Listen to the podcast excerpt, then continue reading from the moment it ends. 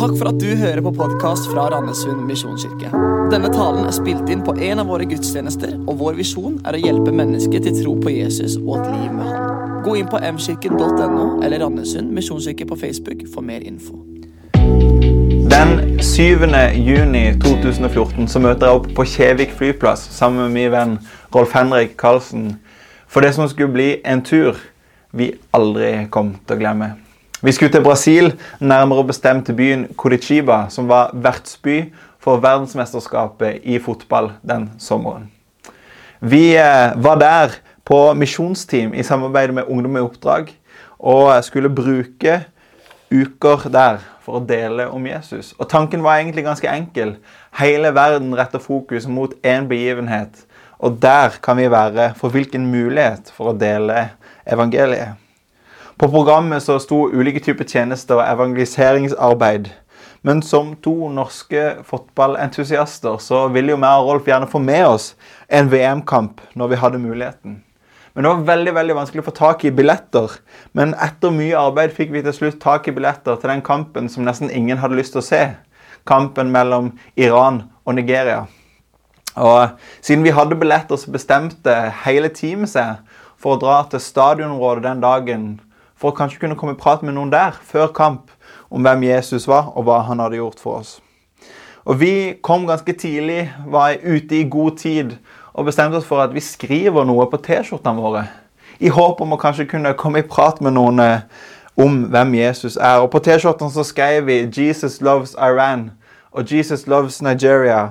Og til vår store begeistring så vekka jo T-skjortene interesse iranske og nigerianske supportere stoppa opp, ville ta bilde med oss og ville prate med oss. Og når kampen nærma seg, så gikk jo meg og Rolf inn på stadion, fortsatt iført disse T-skjortene. Vi hadde et håp om at det kunne vekke interesse også inne på stadion, at vi kanskje kunne få noen flere samtaler. Men at disse T-skjortene med budskap om Jesus skulle fanges opp på den internasjonale TV-sendinga, det hadde vi ikke planlagt for. Og vi fikk det heller ikke med oss før vi eh, etterpå kamp fikk mange telefoner fra Norge som sa at de hadde sett oss på TV. Som om ikke TV-tida var nok, så ble det kjapt publisert et bilde av oss hos det brasilianske magasinet Epoca. Og deretter delt av en større brasiliansk artist. Og Innlegget fikk enorm oppmerksomhet på Facebook. Det hadde bare etter noen dager fått 60 000 likes og blitt delt godt over 30 000 ganger. Alle de store mediehusene i Norge de ringte oss for intervjuer og bilder. Og Selv om all den oppmerksomheten var stas for en da 20 år gammel gutt, så hadde også oppmerksomheten en bakside.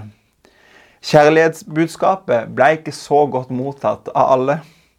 Vi lærte at kjærlighet det skaper reaksjoner. For i de norske mediehusene og på kommentarfeltene så hagla det nemlig med meldinger. Og Vi leste bl.a. at dette var ingen vakker gest. En handling av intoleranse. De viser ingen respekt for andre. Fullstendig mangel på respekt, skriver en annen. Mangel på respekt overfor andre mennesker og religioner. To drittsekker som bare søker oppmerksomhet. Det er alt. Maken til frekkhet. Dere burde skamme dere.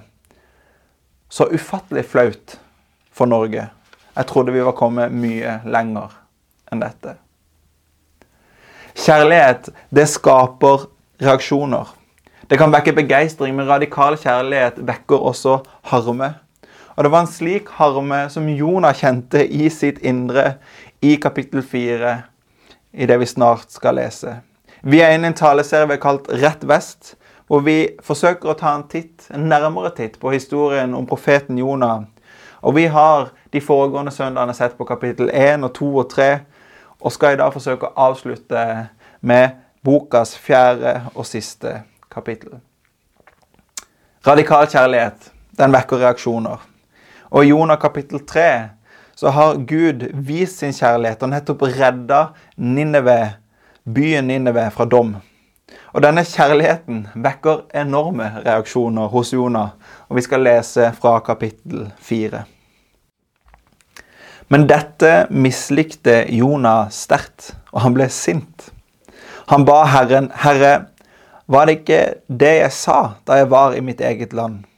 Derfor vil jeg skynde meg vekk og flykte til Tarsis. For jeg vet at du er en nådig og barmhjertig Gud. Du er sent til vrede og rik på miskunn, så du angrer ulykken. Men nå, Herre, bare ta livet mitt, for jeg vil heller dø enn leve. Da sa Herren, er du virkelig så sint? Jonah hadde gått ut av byen og slått seg ned på østsiden av den. Der hadde han laget en løvhytte og satt seg i skyggen under den for å se hvordan det gikk med byen. Da lot Herre Gud en rikinusbusk vokse opp over Jonah for å kaste skygge over hodet hans og fri ham fra mismotet. Jonah gledet seg stort over busken, men ved daggry neste morgen sendte Gud en mark som stakk busken så den visnet.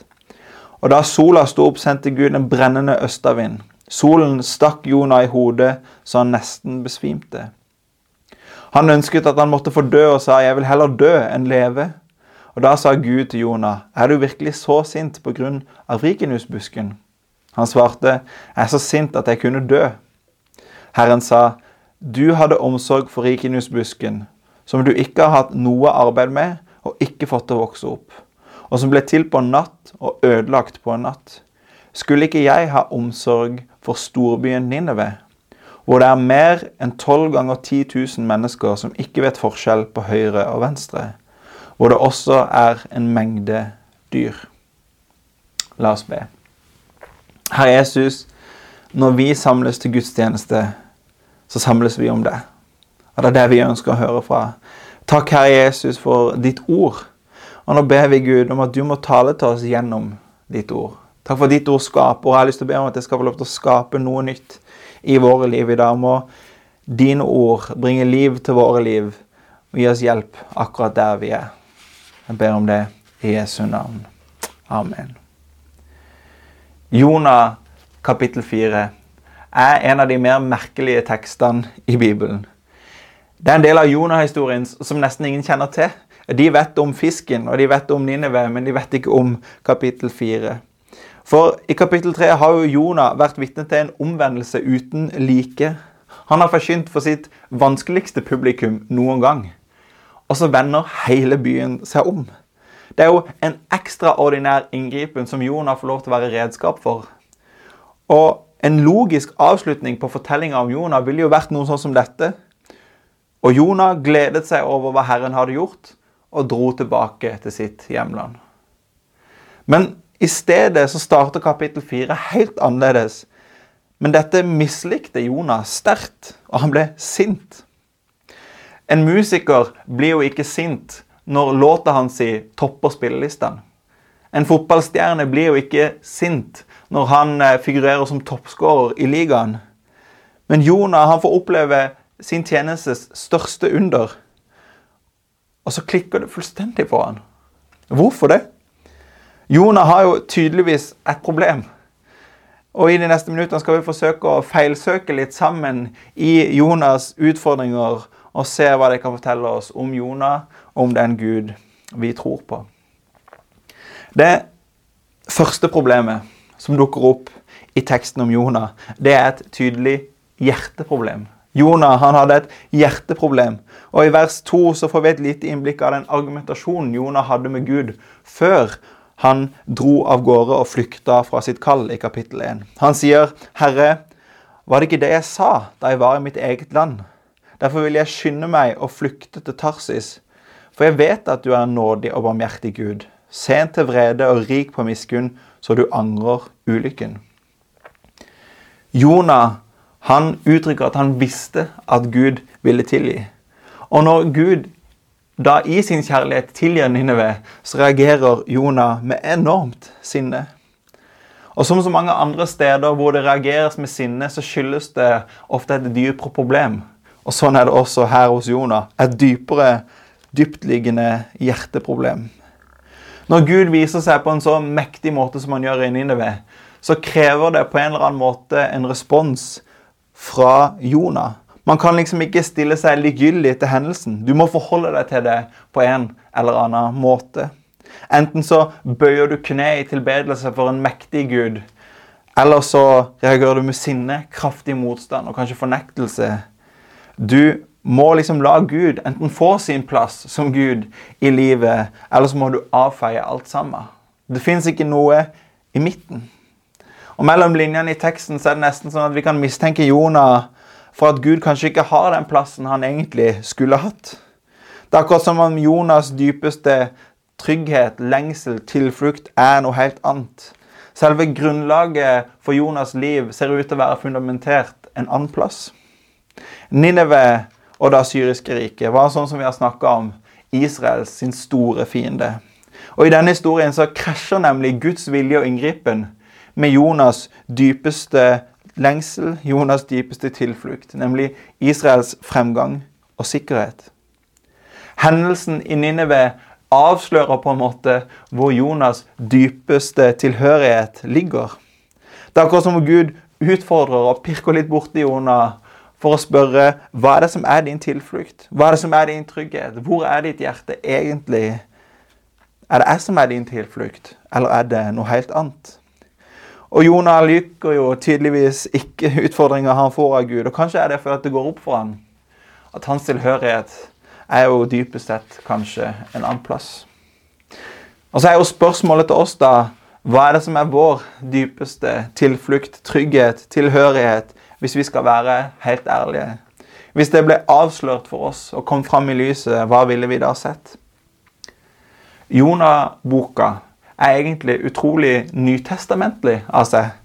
For dette ligner jo veldig på sitater fra Jesus, når Jesus f.eks. ytrer ingen kan tjene to herrer. Han vil elske den ene og forakte den andre. Eller når Jesus sier 'søk først Guds rike og hans rettferdighet', skal dere få alt det andre i tillegg. Sitatet fra Jesus det utfordrer oss nå, og det utfordrer da. Hvem er det som er din herre? Hva er det du egentlig søker? Jonah han hadde tydeligvis en sorteringsjobb han måtte gjøre. Og også i våre liv så kan det være at vi må endre litt på våre indre hierarkier noen ganger. Kanskje har du også en sorteringsjobb. Hvilken plass har egentlig Gud i våre liv? Jonah han hadde et hjerteproblem. Men han hadde også et helt tydelig nådeproblem. Jonah sa, som vi nettopp leste, var det ikke det jeg visste? Jeg visste at du ville tilgi. Jeg visste du var en nådig Gud. Jonah visste at Gud ville tilgi. Og når Gud gjør nettopp det, så tenner han jo på alle plugger. Og så kan du jo lure på hvorfor. Men det er helt tydelig at Jonah mener at Ninneve ikke fortjener nåde. Det er nesten som om Jonah sier, 'Jeg vet at du er en nådig Gud', men denne gangen har du gått for langt. Denne gangen har du gått for langt. Og dette handler om Jonas' nesten dypeste identitet og selvforståelse. Jonah han var en del av Guds folk. Jonah han var profet. Det er klart, Han trenger også nåde. Han har jo nettopp blitt slukt av en fisk og spytta opp igjen. Men han var jo virkelig ikke som disse folkene. Han var jo på et helt annet nivå enn disse folkene her. Dette var jo ondskapen sjøl. To kapitler tilbake så ber jo Jonah om nåde i fiskens buk. Men det kan virke som om Jonah likevel liksom holder fast ved sine egne åndelige meritter fortsatt. Han tenker liksom fremdeles at nåde må på en eller annen måte fortjenes til en viss grad. Og Ninneve, de fortjener det virkelig ikke. Jonah sin glede over busken, som vi leste om, viser jo enda tydeligere hvor selvrettferdig han er. Når busken kommer og gir skygge i varmen etter Jonas sitt harde arbeid, så jeg nesten kan se for meg hvordan han tenker. Se der, ja. Endelig får jeg som fortjent etter mitt harde arbeid. Endelig så viser Gud at han er med. Psykologen og forfatteren Jonathan Haidt sier at selvrettferdighet er den normale menneskelige tilstand.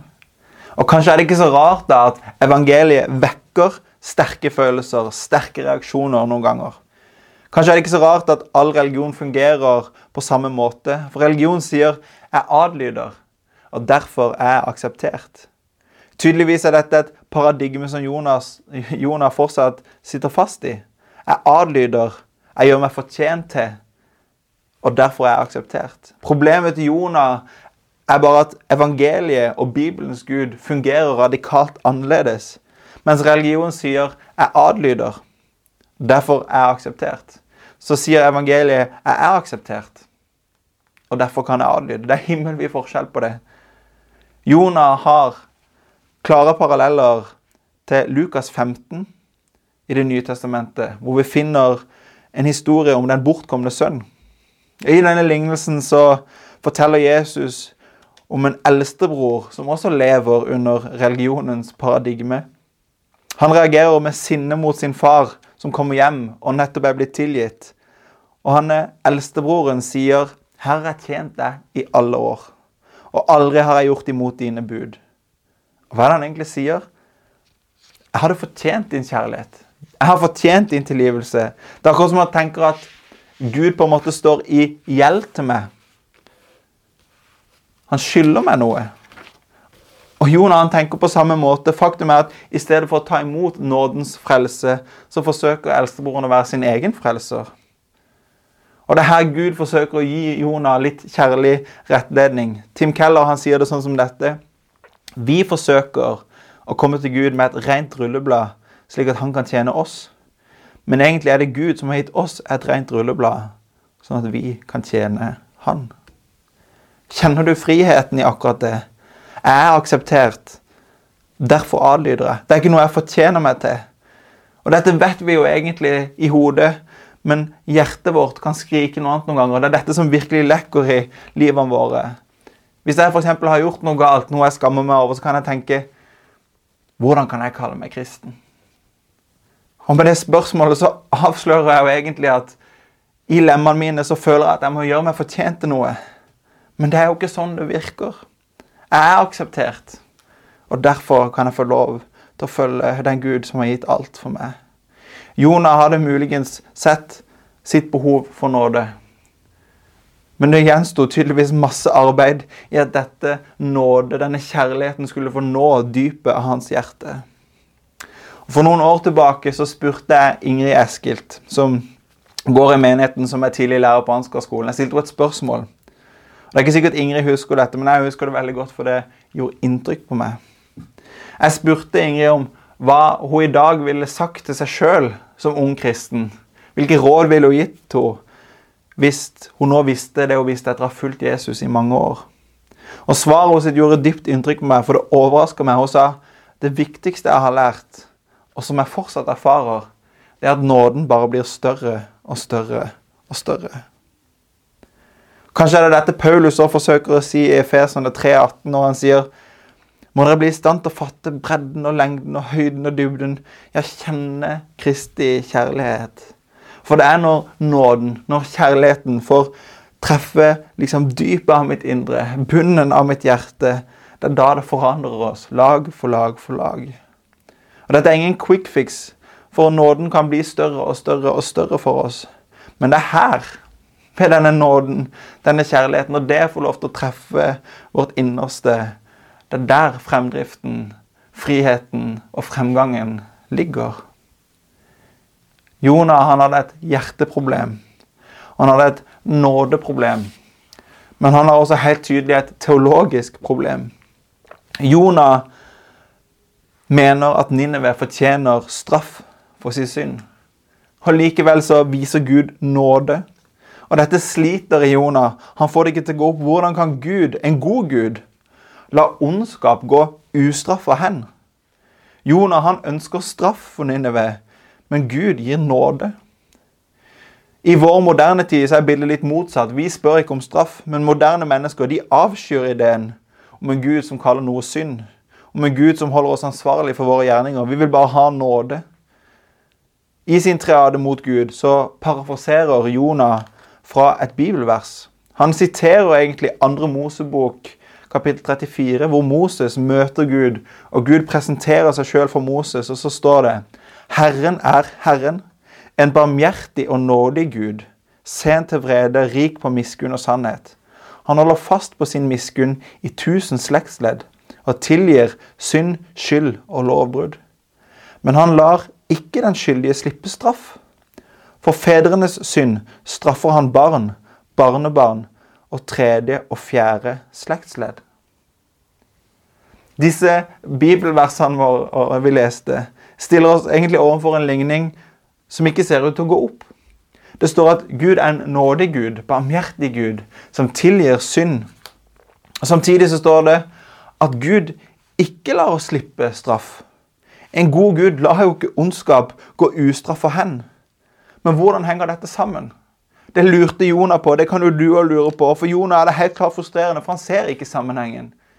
Og Moses han så antagelig ikke sammenhengen han heller, når han møtte Gud på denne måten. For hvordan skal det gå opp? Hva er løsninga? Og faktum er at på dette punktet i historien, mens Jonah levde, mens Moses levde, så fantes det ingen sammenheng. Jonah han får egentlig ikke noe svar. Og Hvordan kan Gud være en nådig Gud som tilgir, og samtidig være en rettferdig Gud som straffer synd? Ligninga går ikke opp. Og ligninga får faktisk ikke sin løsning før ca. 500 år seinere, hvor det fins en Jesus som dør på et kors på Golgata. For ved Jesu død på korset så får mysteriet sin oppklaring. Ligninga får sin løsning. For her både straffes synd, fordi at Jesus tok synden på seg. Og Samtidig så får vi tilgivelse for synd idet Jesus gir sitt liv og tar synden på seg. Dette er det punktet i historien ved Jesu død og oppstandelse hvor egentlig alt faller på plass.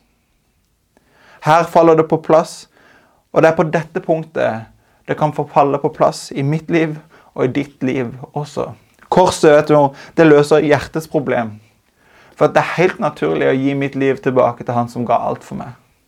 Og korset det løser også nådens problem.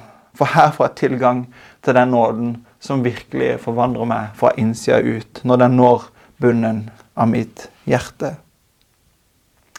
Jeg vet ikke hvordan dette lander hos deg, men kanskje gjenkjenner du på samme måte som Jonah et hjerteproblem. Har Gud sin rettmessige plass i mitt liv? Eller kanskje gjenkjenner du et nådeproblem? At du også klamrer deg til egne meritter? Eller kanskje har du et teologisk problem? Kanskje ser du ikke helt i sammenhengen mellom Gud og Guds kjærlighet og Guds rettferdighet. og Hvordan går dette opp? Jeg skjønner ikke hele bildet. Men jeg har lyst til å be for oss som Paulus ba, at vi skal bli i stand til å fatte mer og mer denne kjærligheten som Gud har for oss, denne nåden som han har for oss. For som Ingrid sa, nåden kan bli større og større. Og det er her framdriften ligger. For det er nettopp på korset og i Hans nåde at vi finner fremdrift og frihet for våre liv. Jeg har lyst til å be. Herre Jesus, takk for at på korset, Herre Når du dør og står opp igjen, så faller alle tingene på plass. Ligninga går opp, Herre. Takk for at du tok vår straff. Og så får vi likevel gå fri. Takk, Herre, for at vi får lov til å få et nytt liv med deg. Takk for at du løser nådens problem og hjerteproblemene våre. Takk for at du kan få lov til å være en kjærlig Gud som har den rettmessige plass i våre liv, Herre. Hjelp oss å slippe deg inn. Og hjelp oss, Herre, og lær oss å kjenne denne kjærligheten som kan forvandle våre liv når den når dypet av vårt hjerte. Det har jeg lyst til å be om i Jesu navn. Amen.